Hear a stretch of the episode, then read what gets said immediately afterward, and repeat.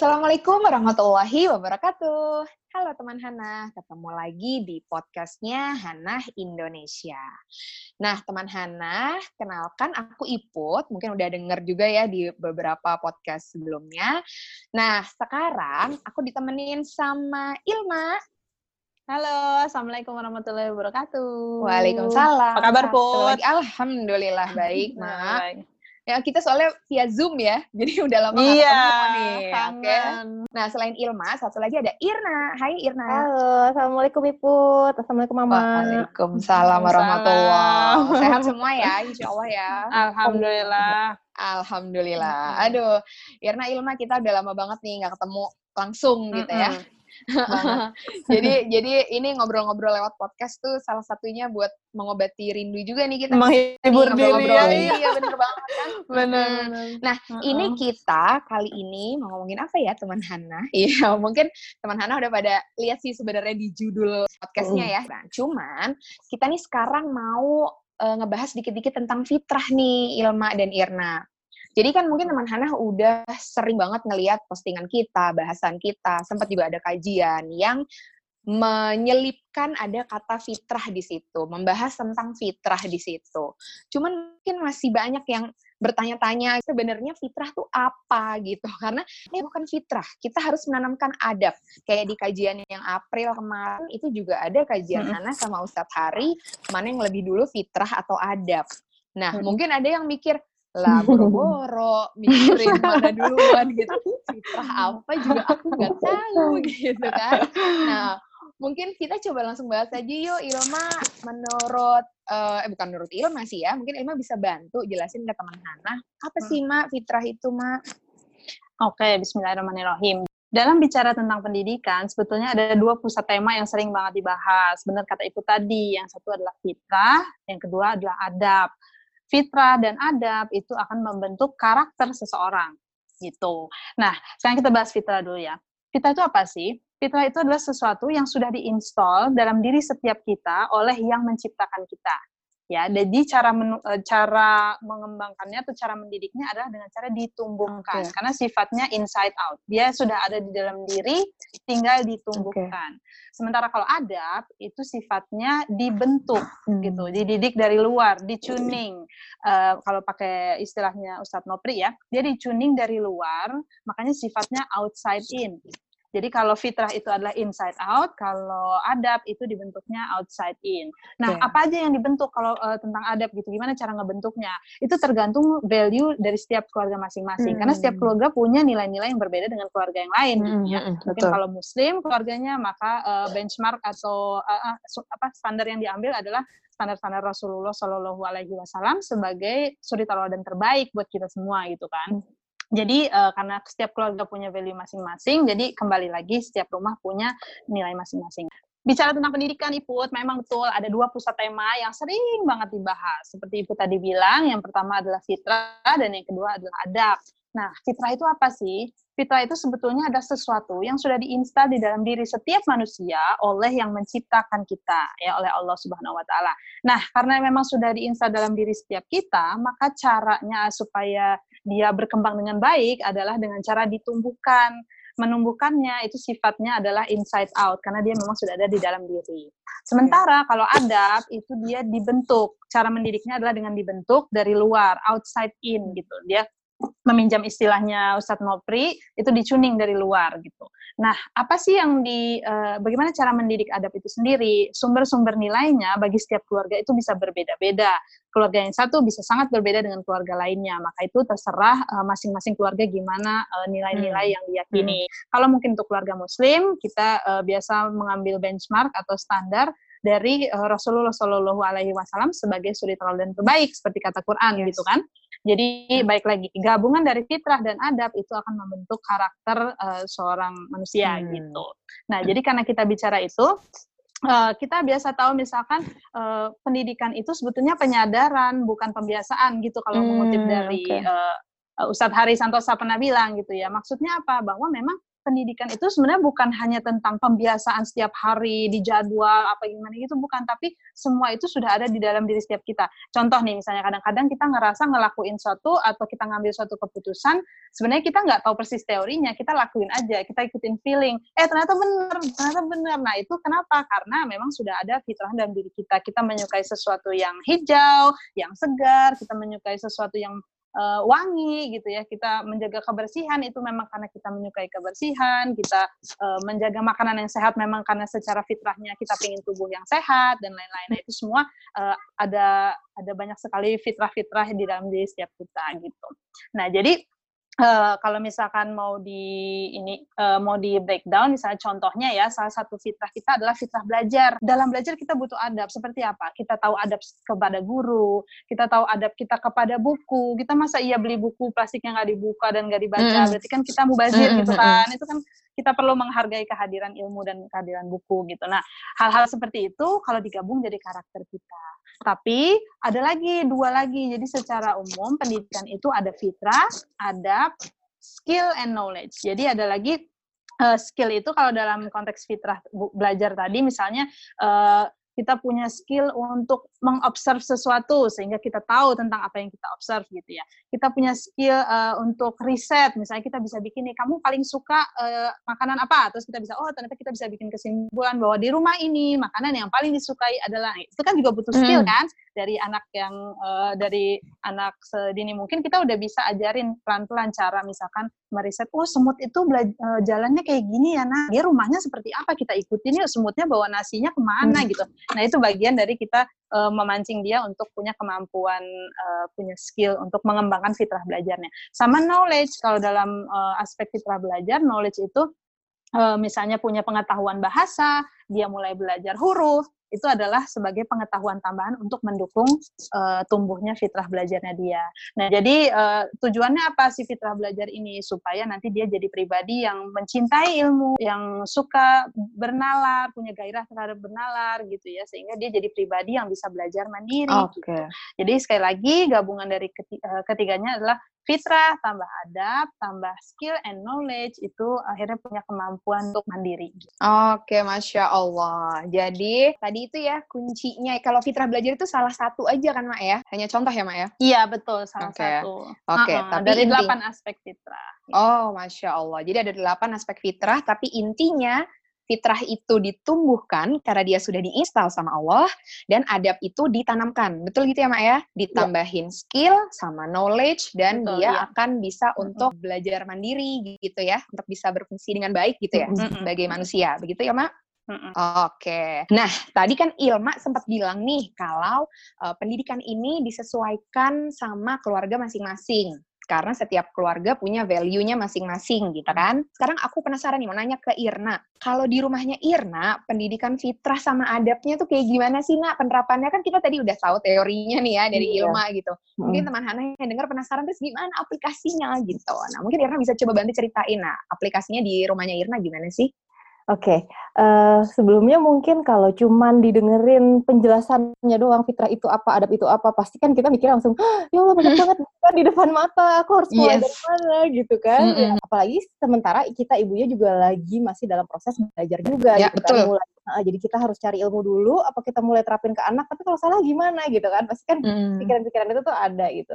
Cuman sebenarnya uh, justru karena sesuai dengan fitrah itu justru sebenarnya harusnya sangat mudah sebenarnya gitu karena okay. kalau untuk secara fitrahnya di rumah aku itu biasanya uh, aku sama suami udah komit sih memang kita tipikal yang ke anak itu uh, lebih kayak di nurture aja. Jadi tidak terlalu banyak kayak larangan ina ini ini ini gitu. Jadi kita lihat misalkan anaknya lagi mau main tanah gitu oh mungkin dia punya kebutuhan untuk melengkapi uh, sensory stimulationnya gitu. Oh ya udah dibiarin main kayak gitu.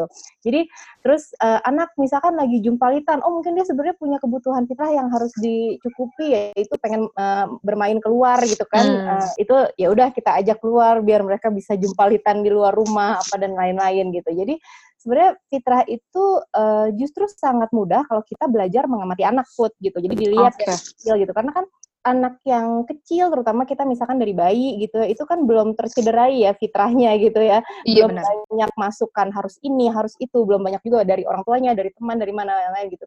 Jadi kita lihat, uh, oh dia tuh tipikalnya begini, oh ya kasih kasih yang kayak gini gitu. Sebenarnya banyak-banyak uh, melihat anak dan banyak-banyak juga uh, pakai feeling ya sebenarnya ya kalau ke anak itu gitu kalau hmm. untuk uh, hubungan dengan fitrah gitu. Karena nggak bisa mengaplikasikan satu cara untuk anak yang berbeda-beda gitu. Jadi kita lihat iya. kebutuhannya dia oh lebih kayak gini oh mungkin dia uh, stimulasinya lebih butuh yang ini ya udah kita biarkan dia bermain. Pagi-pagi anak kan selalu bangun pagi cuman kadang-kadang kan oh kitanya masih males jadi kita nenenin terus gitu. Padahal kalau pagi banget pagi fitrah manusia kayak untuk bergerak untuk apa gitu segala macam. Sebenarnya sudah memunculkan itu. Ya udah kita bangun ajak dia keluar ajak dia menikmati matahari menikmati udara segar gitu sih. Sebenarnya dimulai dari yang simpel-simpel kayak gitu sih. Oke okay, jadi soal adab juga kayak gitu sih sama itu. Hmm. tapi kalau adab itu uh, lebih uh, gimana kita belajar memang orang tuanya harus belajar kalau adab ya dan itu mm-hmm. ditanamkan ke anaknya mm. bukan dengan dikasih tahu atau dengan dituliskan ditempel di mana-mana itu mungkin uh, efektif buat anak yang mungkin usia tujuh tahun ke atas pastinya mereka udah harus bisa baca gitu kan mm. tapi kalau untuk anak yang kecil-kecil gimana orang tua lah yang harus uh, set example-nya gitu anak itu kan belajar paling cepat itu dari contoh jadi orang tua itu yang harus mencontohkan uh, kepada anaknya bagaimana adab misalkan masuk kamar mandi, gimana adab kalau mm -hmm. gimana adab kalau mau makan, gimana even kalau mau tidur, gimana adab berdoa kayak gitu. Itu semua orang tua. Ya sebenarnya simpelnya orang tuanya berarti harus beradab dulu ya gitu. Iya. Ini menarik sih, Nak. Iya benar karena beberapa kali juga ibu-ibu ya teman-teman Hana tuh pernah ada yang cerita gitu, gimana ya bikin anakku tuh bisa fokus belajar gitu. Yeah. Nah, itu uh, sering banget tuh Ibu uh, Irna orang-orang tuh mencampur adukan antara yang sebenarnya fitrah sama adab. Karena yang namanya belajar itu sebetulnya akarnya bukan dari adab, yeah. tapi dari fitrah. Makanya dia ditumbuhkan. Uh, di saat misalnya kita nih, kita pengen tahu tentang gimana caranya uh, masak ayam balado maka pasti kita ada fitrah belajar yang yeah. tumbuh tuh. Eh, gue Google deh caranya apa sih resepnya gitu kan. Jadi kita, oh iya itu sebenarnya bagi, kenapa kita akhirnya pergi dan mencari uh, resepnya itu karena sebenarnya itu dorongan dari dalam diri untuk tahu. Maka kita pasti fokus belajar yeah, gimana cara hmm. ingin ayam ungkep ayamnya dan lain-lain hmm. gitu ya. Sementara kalau misalkan emang lagi nggak interest, maka ya mau dipaksa juga uh, mungkin nggak efektif yeah. gitu. Jadi bukan fokus belajarnya, hmm. karena fokus belajar itu adalah hasil dari tumbuhnya si fitrah belajar itu sendiri. Oke, okay. jadi gimana nak? Iya, jadi uh, itu juga menyangkut uh, soal fitrah belajar itu tadi, sering kali fitrah belajar itu agak mati atau tertutup hmm. karena hmm. ya itu kita dari hmm. kecil misalkan belajar harus duduk rapi harus ini harus itu gitu jadi ada ya. uh, hmm. banyak sekali peraturan uh, untuk anak sekedar bisa belajar gitu dengan dengan sesuai dengan yang dia hmm. Mau gitu ya nah itu kadang-kadang peraturan-peraturan itu kadang dicampur adukan dengan adab gitu ya misalkan hmm. ya kan? tapi sebenarnya uh, adab yang baik itu seperti apa itu kan kita kembali harus melihat ke contohnya kan ke Rasulullah gitu ya. Nah itu uh, apakah emang Rasulullah melarang anak sambil lari-lari kalau belajar? Apakah Rasulullah melarang anak belajar itu sambil tiduran di rumput? Mungkin tidak kan kayak gitu. Hmm. Jadi, hmm. jadi jangan terpaku adab hmm. itu sama dengan peraturan yang mungkin dulu kita pernah dapat gitu. Jadi kita harus ngecek ulang juga put kalau soal adab hmm. itu. Nah, nah kita biasakan di rumah seperti apa? Itu uh, sorry kita tanamkan di rumah seperti apa ke anak-anak ya itu melewati pembiasaan tadi ibunya gimana ayahnya gimana. Nanti Betul. jadi tumbuhnya di anak itu bukan sesuatu yang keharusan tapi adalah sesuatu yang memang dia biasa lakukan. Yang namanya fitrah itu biasanya mudah. Kalau misalnya tidak mudah jangan-jangan ya, ya, ya. gitu. Ya, ya yang mau aku garis bawahin jadi kayak tadi katanya Irna fitrah hmm. itu mudah ya nak? Hmm. karena memang sudah dari sananya. Kita tinggal hmm. nurture apa kita tinggal ngikutin aja gitu melihat kebutuhannya apa Betul. Terus kita fasilitasi. Mm -hmm. Sementara kalau adab itu memang mm -hmm. harus kita tanamkan. Jadi memang orang tuanya yang harus kasih teladan. Mm -hmm. Nah, patokan teladannya dari mana? Kita lihatlah dari Rasulullah Shallallahu Alaihi iya. Wasallam gitu. Bagaimana mm -hmm. Rasulullah memperlakukan anak, misalnya memperlakukan istri, suami dan seterusnya. Itu kita lakukan mm -hmm. supaya otomatis jadi teladan buat anak-anak gitu ya.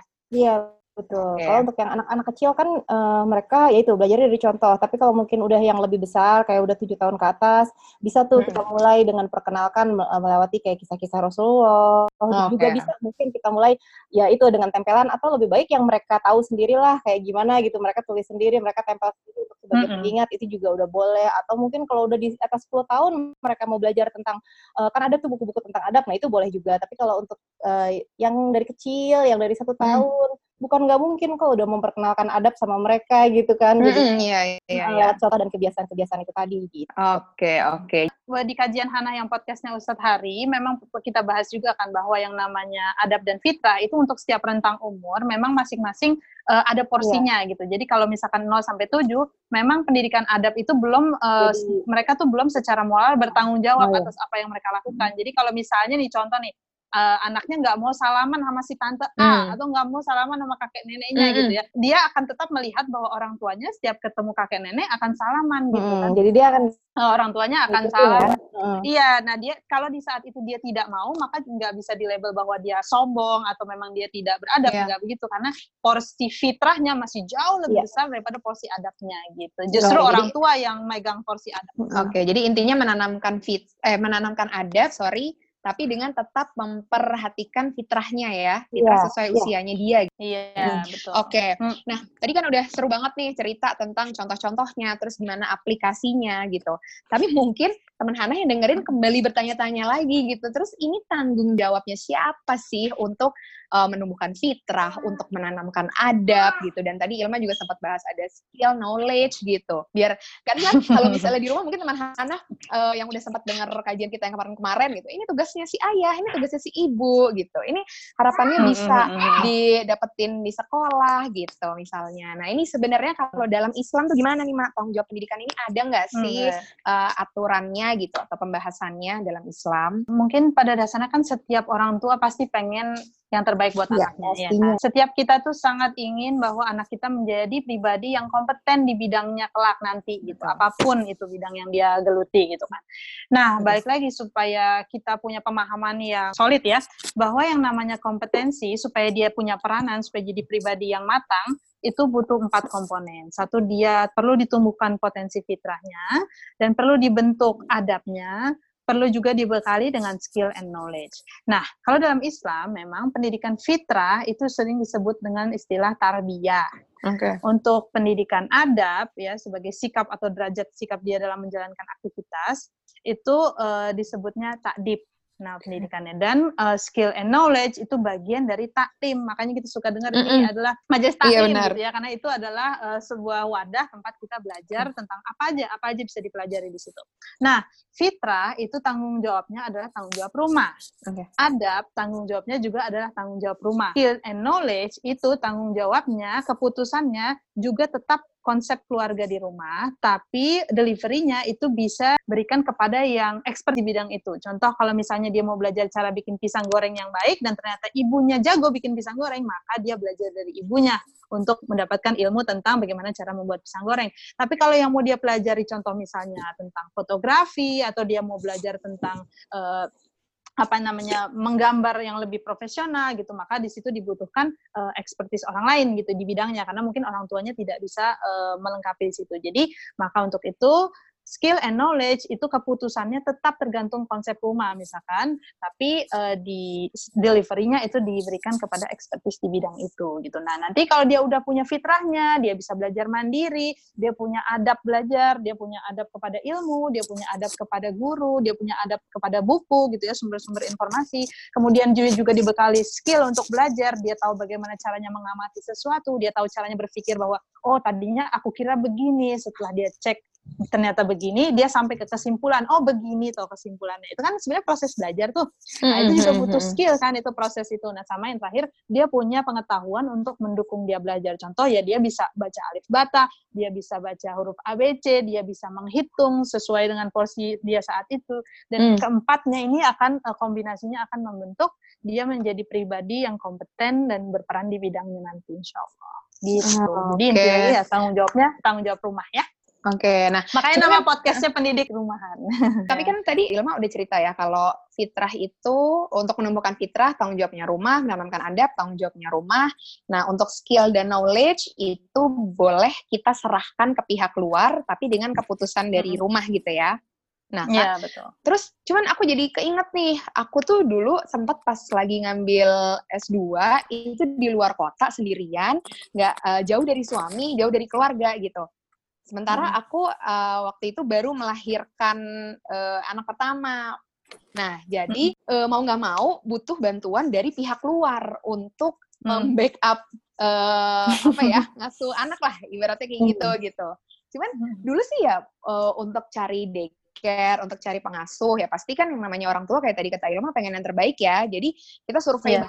Tuh ini kira-kira lingkungannya gimana, gurunya gimana sih gitu supaya tetap bisa memfasilitasi kebutuhannya anak gitu. Nah kalau kayak gitu gimana? Mungkin Irna deh sekarang gitu bisa cerita gimana nih nak kalau udah ada kayak aku gini nih yang udah terlanjur menyerahkan gitu, sebagian apa ya pengasuhan lah gitu kan ya. ke pihak luar selain orang tua selain yang di rumah itu gimana nah, tuh itu itu sesuatu yang sangat wajar ya apalagi apalagi okay. aku dengan anak lima kalau semuanya di sendiri jujur mungkin kalau aku yang sekarang belum mampu put. Jadi kita juga meminta bantuan dari pihak luar gitu kan. Cuman, oh oke. Okay. jadi mungkin cerita dikit sekali ya nak? Dulu awalnya memang aku tuh ya gitu kembali berpikir ke pengen yang terbaik buat anak. Jadi sangat wajar ya untuk meminta bantuan dari pihak lain yang luar rumah gitu. Jadi mungkin cerita sedikit ya background aku. Dulu aku juga uh, pastinya seperti ibu-ibu lain pengen banget semuanya dilakukan di rumah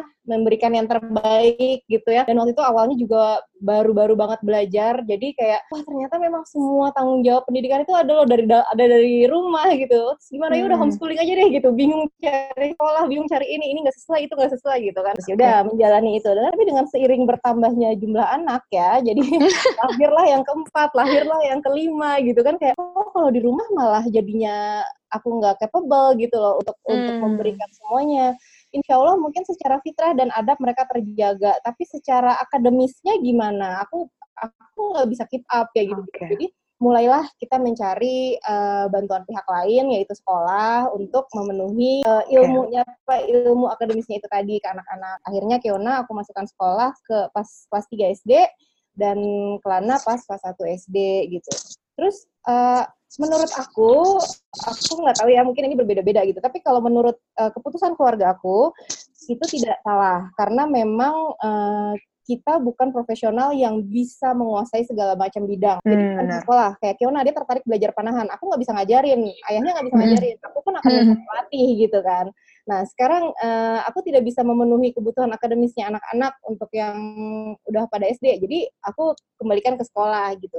Tapi gimana di rumahnya apakah masih dijalankan itu fitrah dan adab uh, pendidikan fitrah dan adabnya? Ya itu masih sepulang dari sekolah, mereka adalah anak-anakku, kita kembali mendidik mereka seperti biasanya kita dulu, mendidik fitrahnya, mendidik adabnya, dan lain-lain. Nah, itu tetap berjalan seperti biasa, Put, gitu. Jadi, bukan berarti kalau kita sudah serahkan ke sekolah, atau sudah serahkan ke uh, profesional lainnya untuk belajar bidang lain, bukan berarti terus kita lepas tangan, karena masih ada dua lagi yang harus kita tanamkan ke anak, itu didik dari rumah, gitu. Jadi ah, oke, okay. kalau ibu-ibu yang mungkin kayak misalkan kayak kamu gitu ya, uh, kayak lo gitu kan hmm. dari Raka dari umur berapa? Dua tahun ya katanya ya udah sekolah. Eh sorry dari kecil malah. Dari, dari kecil justru di daycare udah dari kecil nah, dari bayi. Ya, itu nggak perlu merasa bersalah sih itu kan tergantung hmm. keluarga masing-masing juga ya istilahnya hmm. daripada lo kuliah terus Raka ditinggalin sendirian kayak gitu. Iya benar. Gak mungkin. Itu juga banyak terjadi kayak uh, sama teman-teman aku yang mungkin anaknya uh, baru satu dan hamil anak kedua. Nah mereka merasa butuh untuk me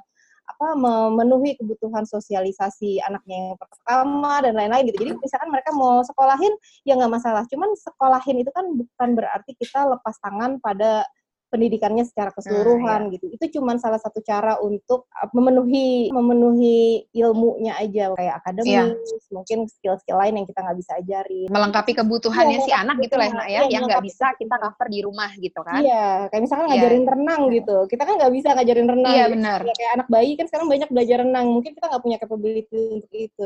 Ya. Nah, ada tambahan. Uh, ya, jadi setelah tadi kita udah tahu bahwa ada yang namanya fitrah, ada yang namanya adab, kemudian skill and knowledge yang dalam konteks Islam Islamnya disebutnya kalau pendidikan fitrah itu tarbiyah, hmm. pendidikan adab itu takdib dan skill and knowledge masuk ke kategorinya taklim. Hmm. Seringkali kenapa sih kita tuh paling ribet banget milihin sekolah anak ya kan? Iya, Semua ibu-ibu itu rata-rata kalau menjelang usia SD itu udah mikir, aduh gue sekolahin anakku di mana ya? Susah mau daftar sini, udah mulai nyari-nyari bener-bener nyari gitu ya. Kenapa? Karena uh, yang terjadi adalah kita sering berharap anak kita itu fitrahnya ditumbuhkan, adabnya dididik, kemudian dia mendapatkan ilmu dan uh, skill tadi itu di di dalam satu lembaga. Hmm. Padahal itu hampir nggak mungkin kan. Sementara uh. Waktu dia di sekolah cuma berapa jam. Kemudian interaksinya adalah si guru dengan banyak sekali murid gitu. Jadi memang sekolah itu posisinya ada di posisi taklim, hmm. sementara pendidikan fitrah dan adab itu tetap di rumah. Jadi pertanyaannya gini, misalkan anakku nih uh, dia sekolah sekolah Islam, tapi ternyata pas di sekolah Islam kelihatan uh, dia kurang olahraga, ternyata hmm. waktunya gitu ya. Udah hmm. kita penuhi aja dengan dia ikut misalnya klub bola, misalnya dia ikut klub renang gitu ya untuk melengkapi kebutuhan dia.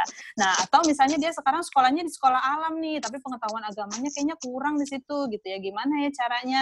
Ya mungkin kita bisa penuhi dengan di rumah kita panggil dia guru ngaji atau kita uh, adakan di rumah misalkan sesi-sesi yang rutin setiap habis maghrib misalnya kita ngobrol aja tentang segala sesuatu gitu mm -hmm. ya uh, pakai konsep jawab-jawab dengan tauhidnya yeah. Hana yang Hana uh, angkat ini yes. gitu ya. Itu jadi akhirnya menjadi kesatuan yang utuh bahwa memang semuanya tergantung kebutuhan anak dan yang konsepin itu dari rumah dari iya. keluarga. Yeah. Jadi uh, kembali okay. ke keluarga masing-masing mungkin ya Mak ya. Jadi uh, mm -hmm. kalau misalkan dari keluarga memang keputusannya kita, maksudnya kelihatan nih si anak membutuhkan uh, suatu stimulasi yang lebih di satu bidang yang kita tidak bisa penuhi ya kita serahkan ke yang mampunya gitu tapi kalau hmm. itu kan juga tidak menutup kemungkinan buat mengisi porsi waktunya dia yang lain gitu tadi benar kata Ama kayak misalkan dilihat nih ya porsi anak sekolah biasanya cuma sampai jam berapa sih jam 7 sampai jam 2 mungkin ya maksimal ya. hmm. ya. nah itu kayak hmm. cuma berapa jam ya itu aku jadi lost count jam 6 jam kali ya masa habis masih masih banyak jam yang dia nggak mungkin kita biarin gitu jadi jangan mm -hmm. kalau misalkan anak udah sekolah ya udahlah kita ongkang-ongkang kaki aja nggak ngasih dia mm. macam-macam lagi nggak mendidik dia lagi gitu bukan kayak gitu sih gitu sebenarnya sih yang sekolah yang sampai sore juga banyak juga sih nah banyak gitu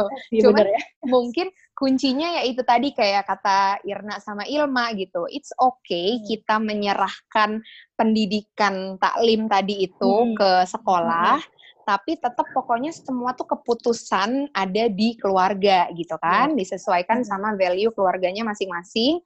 Ini jangan lupa hmm. kalau tugas untuk menumbuhkan fitrah dan menanamkan adab itu tanggung jawab utamanya orang tua, keluarga, yeah. bukan sekolah gitu. Jadi mm -hmm. kita biar kita juga ini ya standar kita tuh nggak ketinggian gitu loh mas sekolah iya. ya kalau mikir kalau nyari yang one package tuh nggak akan iya, ada, ada. kayak mau di mana pun iya. akan ada karena iya karena Allah nitipinnya sama gitu. Iya ya, karena Allah nitipinnya sama kita kan iya, anaknya, iya, bukan sama sekolah gitu. Berarti kepercayaan utamanya itu diserahkan ke kita, begitu bukan? Iya betul sih. Mm -hmm. Tapi kita boleh minta bantuan gitu kalau ada yang nggak bisa. Oke deh, masya Allah. Tadi udah, uh, insya Allah teman Hana tadi udah dapat banyak banget gambaran ya tentang fitrah, adab gitu dari Irna, dari Ilma. Nah mungkin ada penutup nih terakhir untuk nge-wrap up semuanya biar teman Hana dapat kesimpulannya dari yang kita obrolin. Ilma mungkin ya, Mak? Bisa bantu. Oke, okay, untuk penutup ya. Jadi sebagaimana kita pernah bahas di podcast sebelumnya juga bahwa kita adalah masing-masing uh, setiap manusia punya hubungan pribadi sama Allah. Kita makin kenal sama Allah, kita jadi makin sayang sama Allah. Terus Allah titipin nih seorang anak uh, ke orang dewasa ini fungsinya apa? Anak ini kelak adalah calon dewasa yang belajar uh, sama orang dewasa ini gimana caranya dia mengenal sama uh, yang menciptakan dia. Jadi fungsi si orang dewasa adalah untuk membersamai, menemani, mengenalkan anak ini kepada yang menciptakan dia. Jadi memang uh, prosesnya adalah melalui bermain, prosesnya adalah melalui belajar karena dengan demikian maka kita akan uh, bisa menyambut uh, peran kita untuk beribadah kepada Allah, untuk jadi pribadi yang bermanfaat buat buminya Allah, buat semua orang yang ada di sekitar kita gitu kan. Dan untuk itu uh, Allah sudah membekali kita dengan fitrah, Allah sudah bekali kita dengan Rasulullah sebagai suri dan terbaik bagi kita untuk mendidik hmm. adab uh, kita semua dan Allah juga bekali kita pendengaran, penglihatan dan uh, kolbu atau akal dan pemahaman untuk kita bisa uh, menambah skill and knowledge kita sehingga akhirnya kita jadi pribadi yang kompeten dan punya peranan gitu. Intinya uh, karena hidup ini adalah semuanya tentang Allah, tentang cara bikin Allah senang, tentang mengakui bahwa kita tuh nggak bisa apa-apa kalau nggak dimampukan oleh Allah, kita nggak akan kuat kalau nggak dikuatkan oleh Allah. Maka muara dari ini semua adalah enjoy the process gitu ya, enjoy the process untuk membersamai anak, uh, have fun sama anak kita, ajarin dia bahwa hidup ini adalah menyenangkan, hidup ini adalah tentang membuat Allah senang, sehingga akhirnya dia uh, bisa menjadi pribadi yang matang, menjadi muslim yang memang bisa menjadi wakilnya Allah di bumi ini, menjadi khalifah di bumi Allah gitu. Masya Allah. Mm -hmm. Jadi itu ya Mak ya, yang dinilai mm -hmm. sama Allah itu ikhtiarnya ya kan. Betul. Mm -hmm. Hasil itu ya udah serahkan aja. Jadi kita Betul. maksimalkan di prosesnya ini ya, Mak, supaya dapat mm-hmm. penilaian yang baik dari Allah. Begitu bukan Amin. Bu Ilma? Betul, Irma, karena kalau betul ya disampaikan betul, ke betul. anak bahwa kita tuh masuk surga adalah karena rahmatnya Allah, ya kan? Benar. Nah, orang yang kalau misalkan untuk usia yang udah lebih besar kita bisa bilang bahwa orang-orang yang masuk neraka adalah orang yang nggak mau masuk surga karena sungguh Allah udah kasih tahu caranya. Jadi kita semangat yeah. ya, kita semangat untuk menjadi pribadi yang baik gitu. Oke, Masya Allah. Terima kasih banyak hmm. Ilma Irna udah nemenin ngobrol di episode podcast yang kali ini. Semoga apa yang kita share kali ini bisa bermanfaat untuk teman Hana yang mendengarkan ya. Amin. Amin, insya Allah. Dan maaf-maaf ya teman Hana kalau ada salah-salah kata dari kami.